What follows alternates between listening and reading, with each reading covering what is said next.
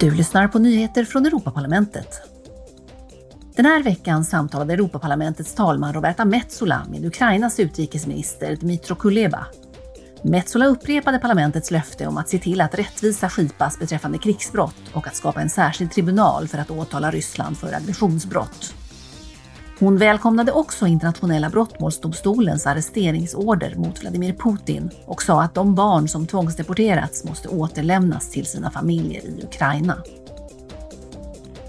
Att kunna röra sig fritt i städerna är viktigt för människors livskvalitet och för att ekonomin ska fungera bra. Det är kontentan av ett förslag till resolution om EUs nya ram för mobilitet i städerna som godkändes av transportutskottet i veckan.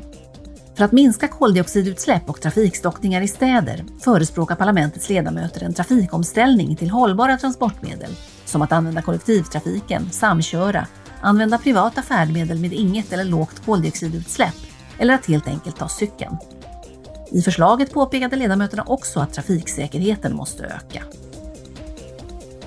Om du är 18 år och bosatt i ett EU-land eller ett land som deltar i Erasmus plus-programmet har du chansen att resa runt och utforska Europa genom Discover EU.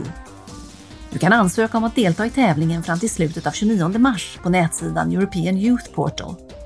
Framgångsrika deltagare kommer att få ett respass som pris, Discover EU-kortet, som berättigar främst till tågresor för att upptäcka Europas häpnadsväckande vackra landskap och många olika städer och byar.